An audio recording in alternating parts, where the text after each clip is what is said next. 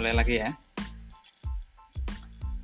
Oke, kita lanjut bahwa yang akan kita dapatkan untuk perkuliahan kita hari ini. Yang pertama mahasiswa mampu menguraikan konsep antar muka perpustakaan kita untuk generasi muda milenial. Kemarin sudah. Yang kedua yang belum saya sampaikan adalah terkait uh, antarmuka untuk penyandang disabilitas. Ya. Ini kaitannya dengan interaksi manusia dan komputer yang saya sampaikan juga. Uh, pernah saya sampaikan sedikit bahwa setiap manusia itu ada ada perbedaan dalam mengakses sebuah antarmuka ada orang yang uh, low vision misalnya untuk disable. Ada orang yang tidak mampu mengakses uh, suara dan sebagainya. Nah itu kita harus uh, mengakomodasi itu semuanya.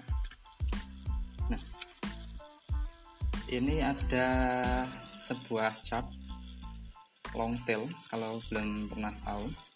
Long tail itu kira-kira kalau diartikan dalam bahasa Indonesia uh, ekor panjang. Nah yang disebut long tail adalah yang di sebelah kanan ini ya. Yang posisinya tidur. Ya. sementara yang di sini popularitas yang populer ya. Jadi ketika mendesain sebuah antarmuka yang atas ini adalah yang populer yang umum Nah, sementara yang akan kita bahas yang disabilitas, yang generasi milenial itu yang tidur ini posisinya. Ya. Nah, ini muncul apa ya? Peluang untuk kita untuk membahas yang long tail ini. Ya. Jadi ada kesempatan kita bisa mendapatkan sesuatu yang uh, unik itu ketika kita mengurusi yang long tail ini. Ya. Dalam dunia bisnis pun demikian. Ketika misalnya kita uh, mengambil segmen yang tertentu itu biasanya kita akan mendapatkan value yang lebih daripada kita fokus pada orang umum. Ya. nah sebagai contoh nah ini ada sebuah quotes menarik. Uh, we are not chocolate stop trying to make everybody happy you are not chocolate nah kita tidak bisa membuat semua orang suka uh, terhadap apa yang kita perbuat, apa yang kita desain, termasuk desain perpustakaan digital. Sehingga uh, ya sebisa mungkin ya kita mengupayakan, tapi uh, agak susah untuk membuat semua orang suka.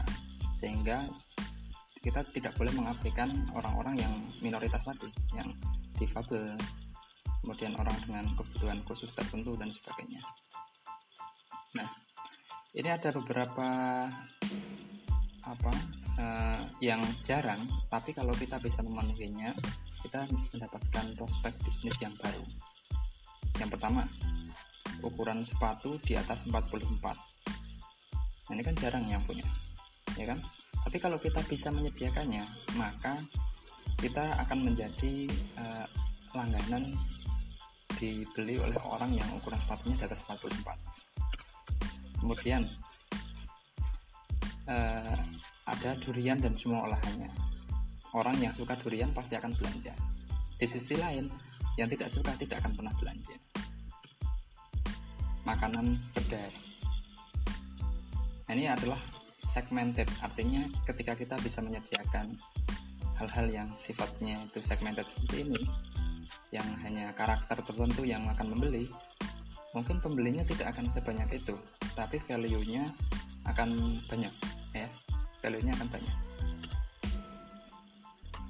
Karena eh, itu tadi yang saya bilang kita menyediakan sesuatu untuk orang yang terbatas tapi kita akan mendapatkan loyalitas meskipun kita tidak mendapatkan kuantitas. Itu kalau ada yang pernah melihat ini tahu nggak ini apa ini toko sepatu di mall yang mana kalau kita mau beli itu diurutkan dari nomornya. Namanya PLS ya. jadi kalau kita pergi ke mall kemudian ke PLS ini kita tidak melihat produk itu berdasarkan merek tapi yang pertama adalah berdasarkan ukuran. Ini kan peluang ya ini peluang bahwa jarang sekali orang yang uh, mendapatkan nomor sepatu misalnya besar sekali atau kecil sekali. Nah Payless dia mengambil peluang untuk uh, menjual itu. Yang saya bilang tadi yang terkait durian nah, yang selanjutnya makanan-makanan pedas nah ini kan jarang sekali. Tapi sekarang coba lihat justru trennya itu yang laku adalah ya seperti ini. Oh ada yang belum bisa join ya? Bentar.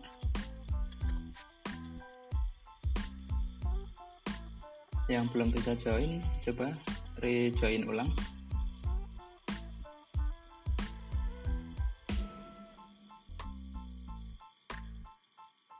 Yang belum bisa join siapa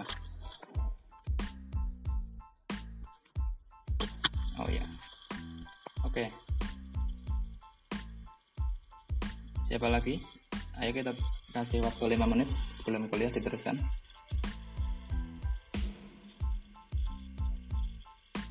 Oke sebentar. Oke ada lagi?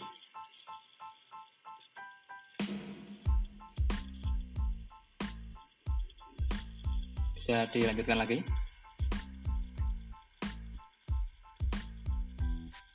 Saya oke. Slide-nya kelihatan nggak sekarang?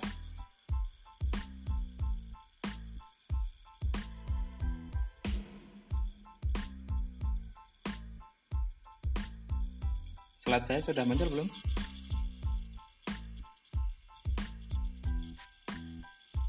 Oke. Nggak usah di full screen aja berarti ya. Kalau nanti mau admit yang datang ter, apa terlambat bisa langsung.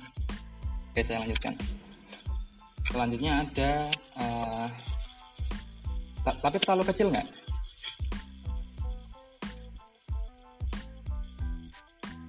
Kalau nggak saya slide-slide ter terlalu kecil nggak?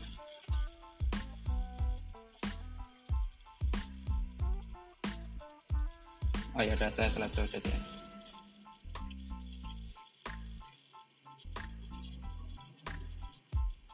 Oke saya lanjutkan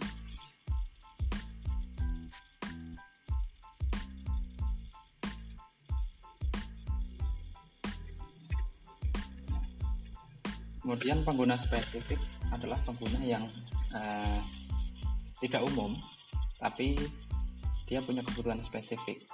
Biasanya minoritas lah kita sebutnya minoritas ya. Karena mereka punya kebutuhan spesifik yang kita harusnya lebih tahu bagaimana mengenalinya ya. Kita harusnya lebih tahu bisa mengenali nah itu pengguna spesifik memperjuangkan mereka berarti bersiap mendapatkan konsumen tetap. Artinya gini kalau kita sudah membuat orang dengan kebutuhan spesifik itu tanda kutip uh, suka dengan produk kita suka dengan layanan kita suka dengan desain kita maka bersiap-siap kita akan mendapatkan uh, loyalitas mereka. Ya. dan mereka akan mengakses ke apa yang kita punya. Karena kita sudah uh, apa sudah berusaha menyediakan kebutuhan yang mereka inginkan Nah ini ada beberapa pengguna spesifik yang akan kita bahas. Teman-teman kemarin sudah saya kasih tugas untuk membuat uh, apa list apa yang disukai dan tidak disukai oleh generasi milenial. Nah untuk yang saat ini nanti mungkin akan saya bahas sedikit, tapi akan lebih banyaknya terkait yang disabilitas, penyandang disabilitas atau fisik. Perbedaannya adalah keinginannya, ya preferensi khusus yang biasanya bisa dinegosiasi. Sedangkan kebutuhan itu tidak bisa dinegosiasi. Ya, sebagai contoh, orang yang low vision tidak bisa kita tawar-tawar untuk kita kasih misalnya tampilan yang tulisannya kecil-kecil. Itu nggak bisa ditawar. Ya. Karena tidak tidak akan sulit, ya. Tapi kalau orang yang tidak low vision ya bisa-bisa aja, ya. Artinya bedakan keinginan dan kebutuhan. Kalau kebutuhan itu tidak bisa ditawar. Yang generasi milenial ini yang kemarin ya biasanya perlu uh, apa ya anak muda itu biasanya suka yang sesuatunya sifatnya tuh uh, apa terbuka. Yang pengen uh, sesuatunya itu terlihat ya. Jadi yang warnanya ngejreng ngejreng ya, karena pengen diperhatikan dan perlu diakui hanya minta diakui. Um, perlu pengakuan itulah anak muda. Sehingga mereka perlu ada saluran atau kanal untuk menunjukkan eksistensinya.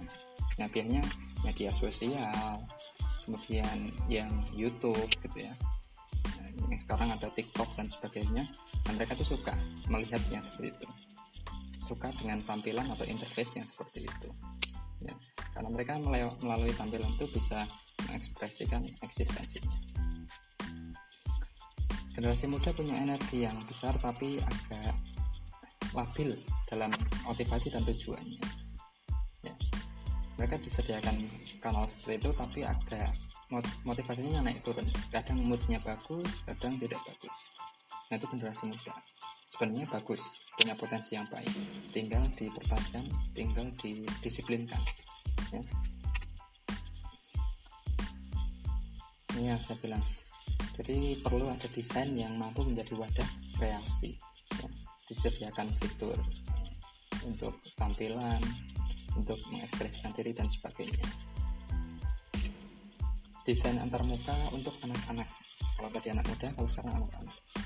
Anak-anak itu biasanya harus mempertimbangkan uh, beberapa hal ya contoh mereka belum tentu bisa membaca mengeja apalagi menulis.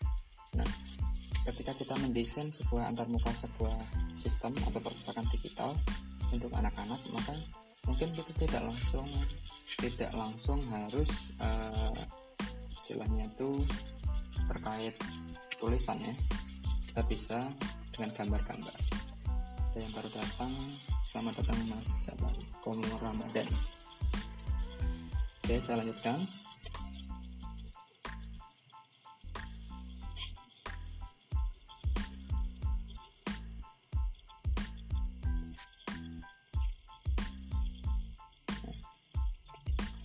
Kemudian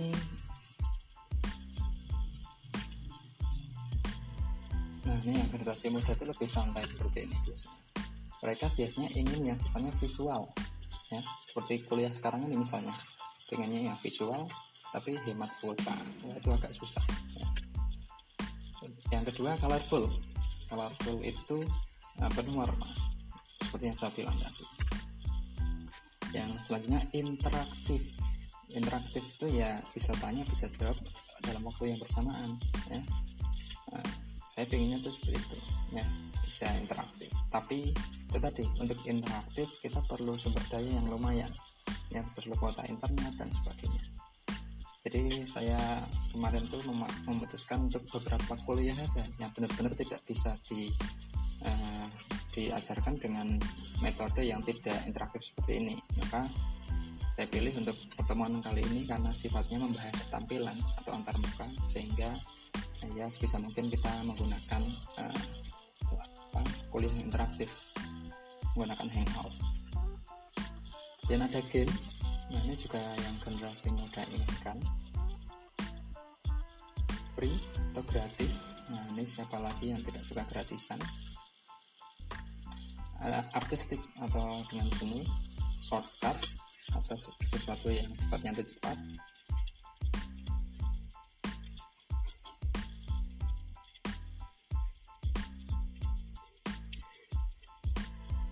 Nah, itu dia untuk yang generasi muda dan anak-anak.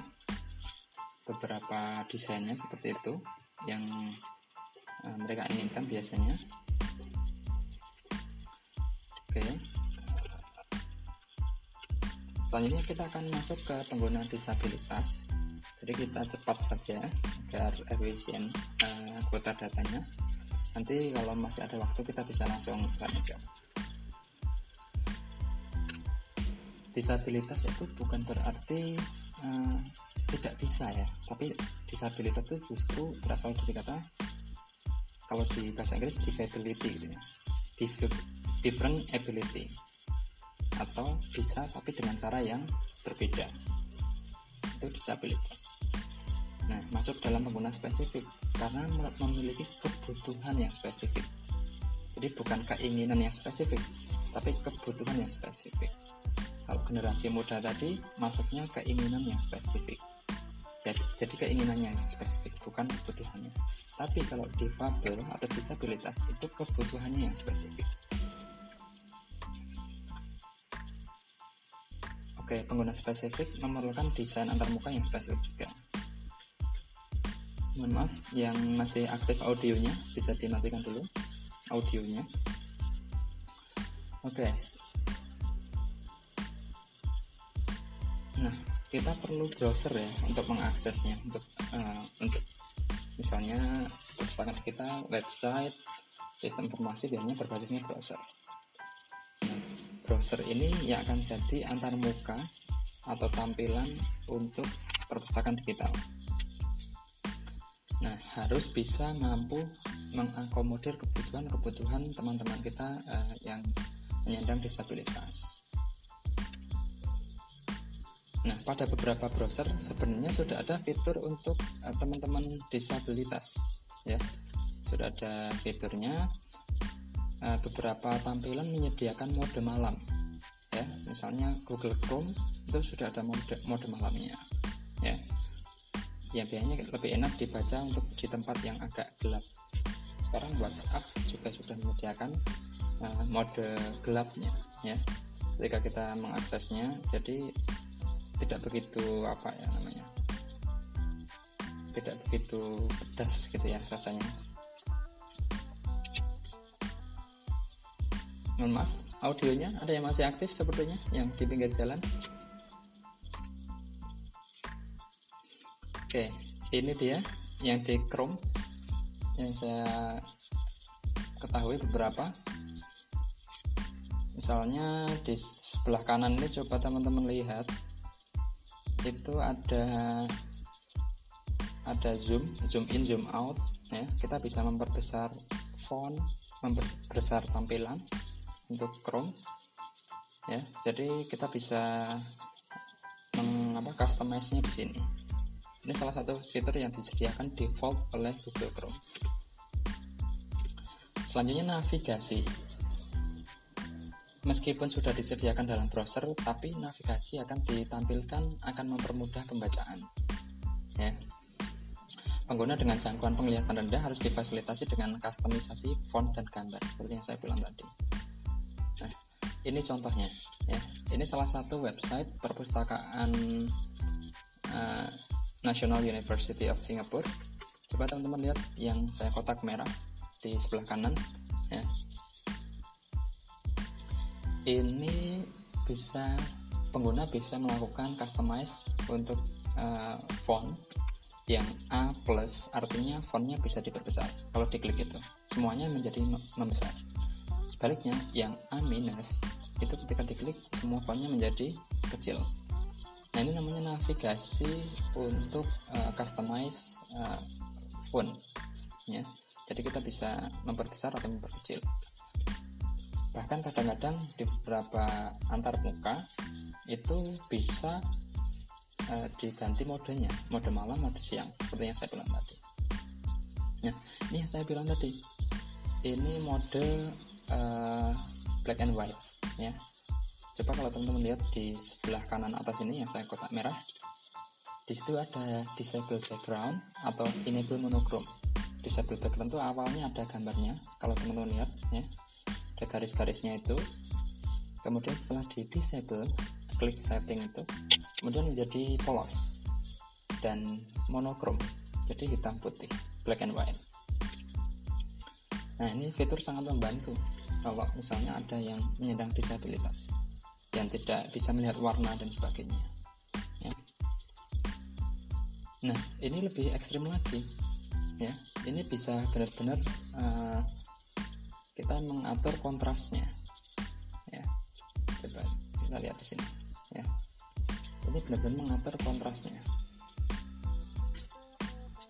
Kontrasnya bisa kita uh, balikan 100% ya semulanya backgroundnya putih menjadi hitam dan seperti itu. Ini cocoknya kalau dilihat di bawah terik sinar matahari. Ya.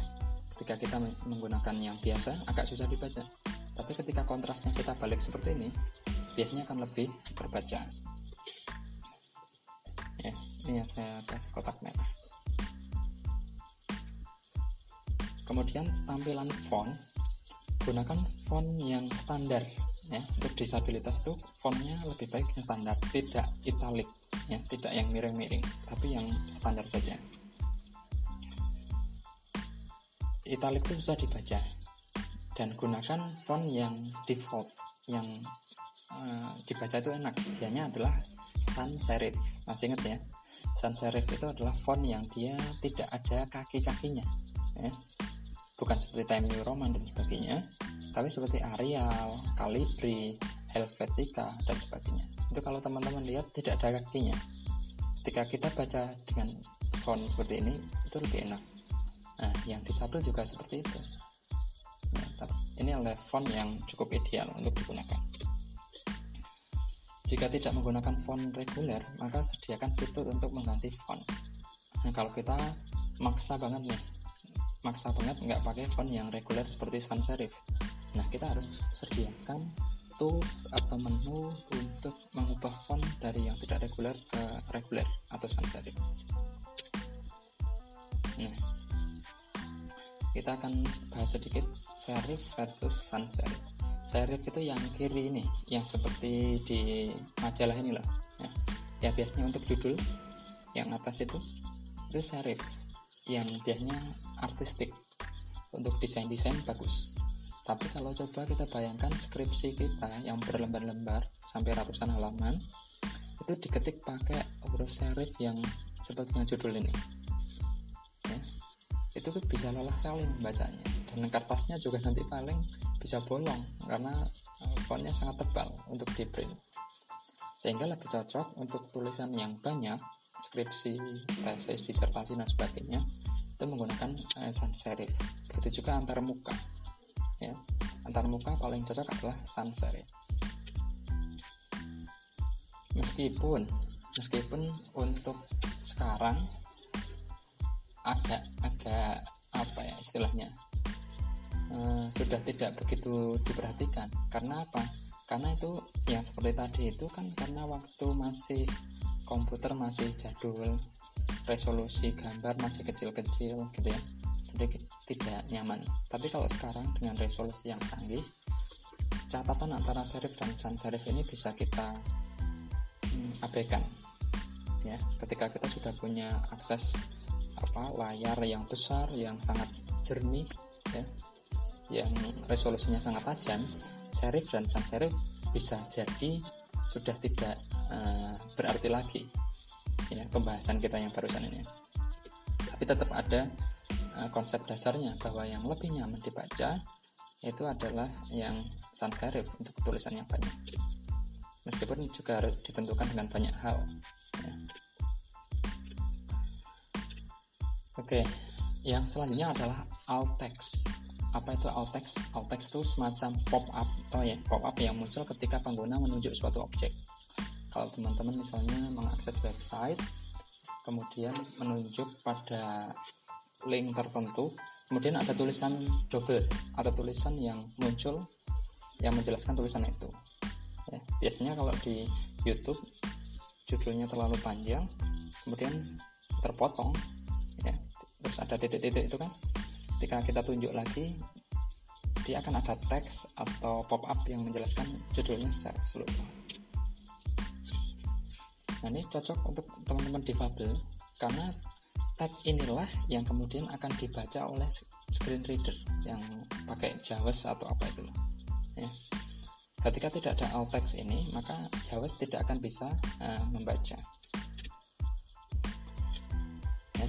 dan screen reader tidak bisa membaca objek gambar maka pop up atau penjelasan dari gambar itu yang akan membantu. Ya. Nah ini contohnya yang saya bilang ya. Misalnya YouTube ya. Ini kan uh, yang saya tunjuk yang punyanya Ariel Peter Pan ini Ariel Noah sorry. Ini nah, ada teksnya kan? Ini namanya alt text. Jadi ketika teman-teman difabel menunjuk ini menunjuk fontnya ini saja nanti akan muncul apa narasi atau screen readernya itu akan membaca ini yang mosi mau mata isuka ini ya, sampai akhir jadi YouTube sudah mempersiapkan itu ya. nah, itu yang perlu diperhatikan untuk uh, antarmuka perpustakaan digital.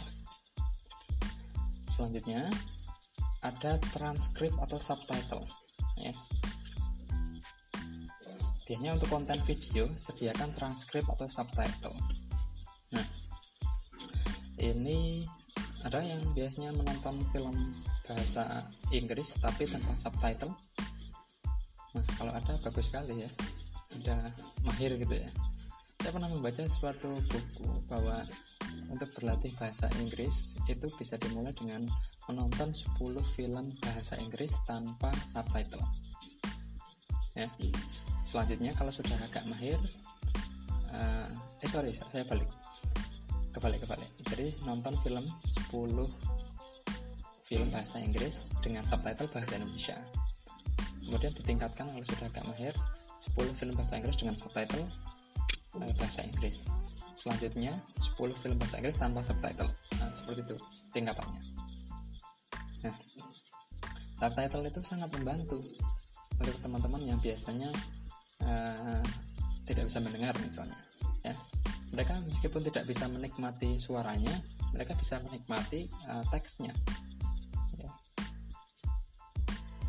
kayak konsepnya kayak karaoke itu loh ya. jadi ada teksnya itu. Itu namanya subtitle kalau bisa sediakan subtitle. Meskipun susah biasanya ini lebih untuk konten video. Nah ada istilah juga transkrip. Transkrip itu biasanya adalah subtitle tulisan di bawah yang persis dengan apa yang dilafalkan. Ketika yang ngomong salah transkripnya juga salah tulisannya ya. Jadi uh, itu transkrip. Jadi persis tidak mengubah apa pun sedangkan subtitle biasanya mengandung makna yang sebenarnya meskipun kadang-kadang antara yang ditulis dengan yang dilafalkan berbeda. Itu ya bedanya transkrip dengan subtitle adalah seperti itu. Nanti ini saya kasih contoh beberapa uh, gambaran gitu ya tentang subtitle. Kayaknya yang paling banyak dari itu lebah ganteng atau Ben Akatsuki itu ya. Teman-teman sudah tahu yang selanjutnya berikan jeda atau pertanda untuk akronim. Akronim itu singkatan ya. Misal kita sering kali bilang kamu kuliah di mana? Di UIN seakan-akan itu tulisannya adalah UWIN ya kan? Padahal yang untuk ejaan yang benar sebenarnya kalau untuk uh, di alt text yang teks seperti tadi agar bisa dikenali dengan mudah oleh difabel kita harus menulisnya U I N entah itu dikasih spasi atau kita dikasih uh, tanda semacam titik atau strip gitu. Ya jadi ketika dibaca misal nanti coba teman-teman coba deh di di apa Google Translate. Uh, tuliskan win nah, lalu dihidupkan uh, screen readernya itu ya kalau ditulis begitu saja pasti akan dibaca win. Atau dalam bahasa Inggris uh, you win gitu ya. Cuman kalau ada spasi atau jedanya nanti akan dibacanya seperti spasi. U I N atau O I N. Seperti itu. Jadi uh, sebisa mungkin kita ketika membuat tampilan untuk teman-teman generasi apa? Teman-teman difabel maksud saya itu kita membayangkannya yang seperti ini ya. Jadi jangan bayangkan yang biasa-biasa aja seperti orang yang tidak difabel. Itu nanti akan lebih susah. Selanjutnya ada deskripsi link ya. Kita kadang-kadang sering menemui kalau misal mau download film lagu atau apa ada tulisan klik di sini. Nah klik di sini itu kadang-kadang agak susah ya. Klik di sini biasanya agak susah nah itu maka kita harus uh, apa? Kita ya.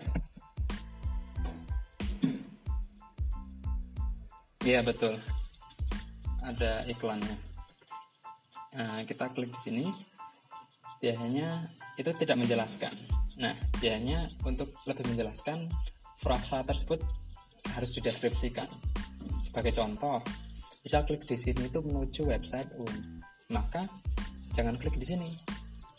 Ya, kita tulisi di situ klik di website UIN Sunan Kalijaga. jadi tidak membingungkan di sini itu apa ya. Misalnya linknya menuju ke situs download film tadi. Nah jadi klik menuju painakatsuki.blogspot.com atau lebahgantang.blogspot.com harus dijelaskan ya bukan klik di sini saja. Yang selanjutnya komposisi warna. Komposisi warna adalah hindari penggunaan warna yang mengkilap yang glossy glossy ya misalnya ada tulisan kok ada ada efek efek mengkilapnya itu. Itu agak susah untuk teman-teman difabel selain mengganggu juga akan mempersulit pembaca memahami makna warna yang baik untuk teks itu yang kontras seperti yang saya pernah bilang dulu di awal kuliah bahwa saya suka bikin slide yang polos seperti ini. Backgroundnya putih tulisannya hitam. Nah, itu kontras itu bagus ya. Selama ini yang saya pahami itu yang paling enak di apa baca adalah yang fontnya hitam kemudian backgroundnya putih. Kemudian clickable area clickable area atau area yang bisa diklik itu jangan terlalu sempit. Contoh klik di sini itu kan biasanya ada tulisan kemudian kecil sekali kan. Kadang-kadang kita enggak kadang-kadang tidak. Ya. Ya itu kalau bisa diperluas areanya. Luaskan klik Apple area tidak hanya dalam dalam yang akan diklik tapi juga di samping kanannya kirinya bawahnya atasnya. Nah sebagai contoh ini yang saya di slide ini ya jadi kalau bisa jangan tulisan show-nya ini saja ya. Tapi kanan kirinya ini bisa diklik. Ini akan mempermudah teman-teman di difabel. Karena lebih luas ya. jadi yang bisa diklik lebih luas. Ini bisa diperluas bisa sampai atas.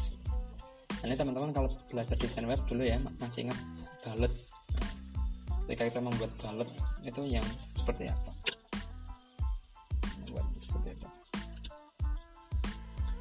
yang selanjutnya adalah simplify your words.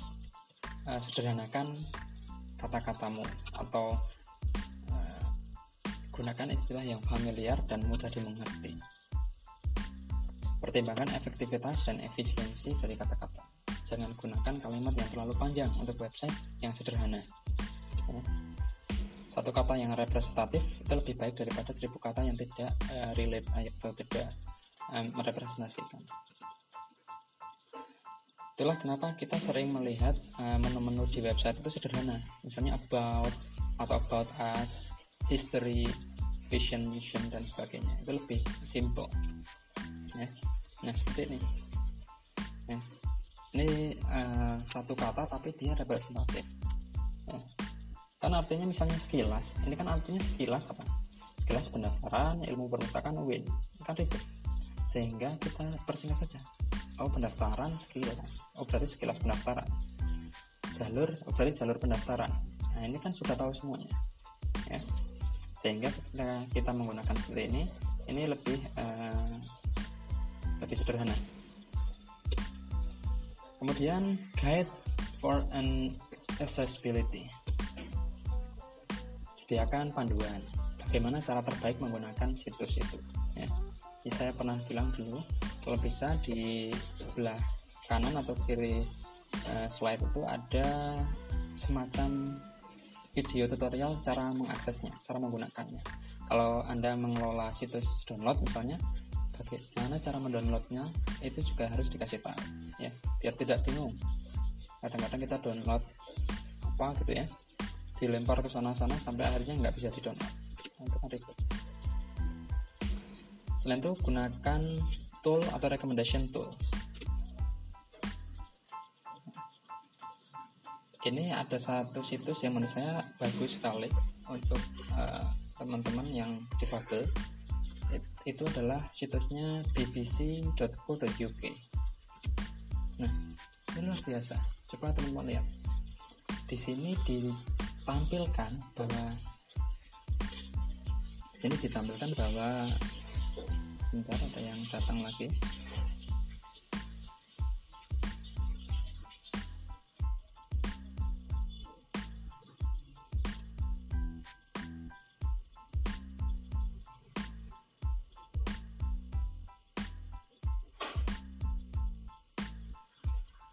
Oke saya lanjutkan.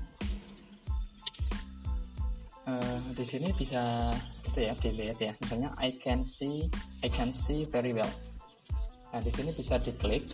Jika kita tidak bisa melihat dengan baik nah di situ bisa diklik. Nanti akan dikasih uh, petunjuk ya. Nanti akan dikasih petunjuk bagaimana bisa mengakses dengan uh, keterbatasan penglihatan. Dan seterusnya ada I can see very well, I can hear very well dan sebagainya. Ya, soal ini kita klik nanti akan muncul semacam uh, ada juga nih sebentar. Ada juga kita bisa custom text size, colornya. Ya.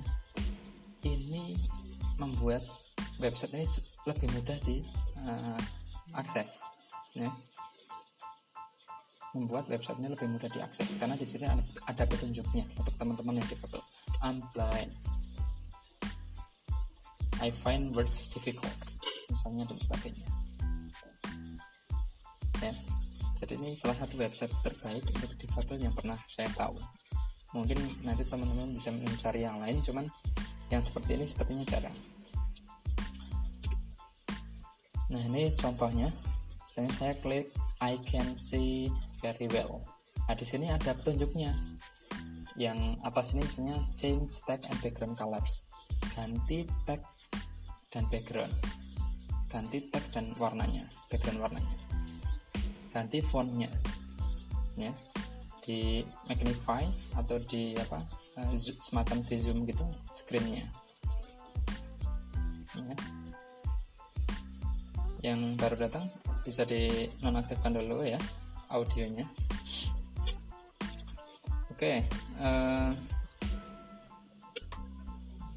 eh, nah ini cara mengganti teks dan background juga dikasih tahu jadi ketika ada petunjuk atau guide itu kemudian dijelaskan caranya seperti apa. Ya. Jadi benar-benar sangat lengkap guide yang disediakan ini ya. Seperti ini video apa awalnya. Dan ketika kita klik I can see very well itu ada petunjuknya. Ketika kita klik salah satu guide-nya dikasih tahu caranya. Ya. ini bagus sekali. Oke itu tadi yang terkait guide selanjutnya adalah sign language bahasa apa isyarat. Apabila memungkinkan maka tampilan uh, sign language. Ini juga untuk video ya. Di Indonesia untuk informasi teman-teman sign language itu belum lama. Kalau nggak salah sekitar awal 2018 kewajiban di televisi ada sign language ya. Sekarang kan hampir semuanya ada. Ya dulu sebelum itu belum ada. Tapi tahun 2018 kalau saya tidak salah itu diwajibkan untuk televisi Indonesia sehingga ada di bawah kanan ya, pojok bawah kanan ada yang besar ada yang kecil Nah, selanjutnya ini juga bisa dipertimbangkan penggunaan sign language ini. Ya. E, meskipun akan susah ya. Nah, ini saya lihat kan ada contoh ya yang bawah ini. Ini lumayan besar ini sign language-nya ya. Kalau di tempat kita kan kotak kecil ya. Malah agak susah dibaca. Nah, ini yang cukup besar seperti ini kayak yang saya pernah kasih tugas ke teman-teman itu kan ada set language ya di, di bawahnya itu itu juga besar itu bagus ini tapi agak susah ya dan agak perlu modal yang luar biasa juga untuk membuat tampilan ada sign language ini lebih cocoknya untuk video atau tayangan yang seperti televisi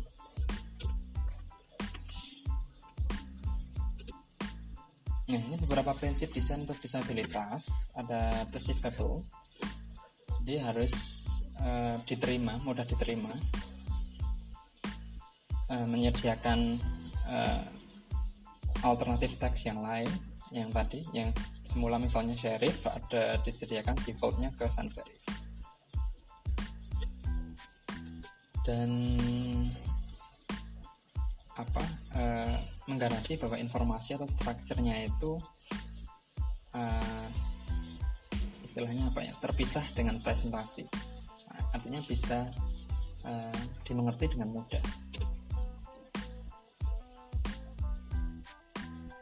kemudian uh, kontras ya antara background dan tulisan itu berbeda itu kontras dis, uh, distinguishable atau pembeda antara mana yang background mana yang tulisan. Kemudian mudah dimengerti dengan simplify your words tadi.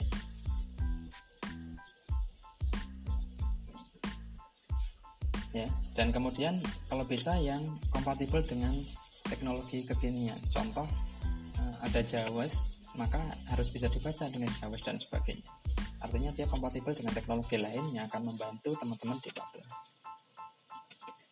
tantangannya tentu untuk uh, pengembangan antarmuka itu finansial ya.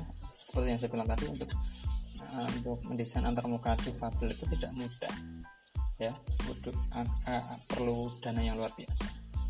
Terus kemudian teknologi banyak kurangnya skill dan pengetahuan kita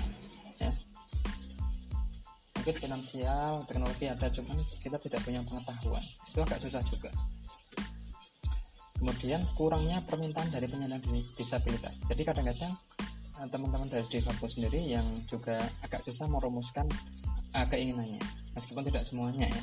Untuk di UIN saya rasa sudah bagus karena ada teman-teman relawan ada juga lembaga namanya PLD ya, meskipun uh, kita juga sebagai teman-teman kelasnya, dosennya atau stafnya atau fakultas fakul apa, uh, staf di fakultas itu juga harus uh, punya keinginan atau apa ya istilahnya sense of belonging yang sama untuk teman-teman difabel sehingga mereka juga merasa uh, diperhatikan gitu ya. Tidak minoritas tidak uh, tidak terpinggirkan. Nah desain antarmuka bahasa dan budaya ini dukungan bahasa. Kalau di Indonesia ya yang paling cocok bahasa Indonesia digunakan karena itu bahasa yang paling dimengerti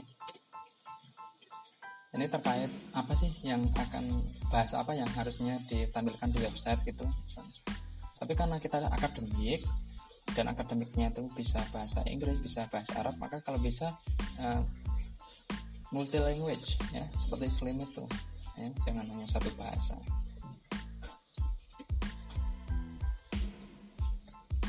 Nah, kalau misalnya kita ada, ada bahasa Arab misalnya, kita juga harus menyediakan virtual keyboard yang di situ pakai huruf Arab.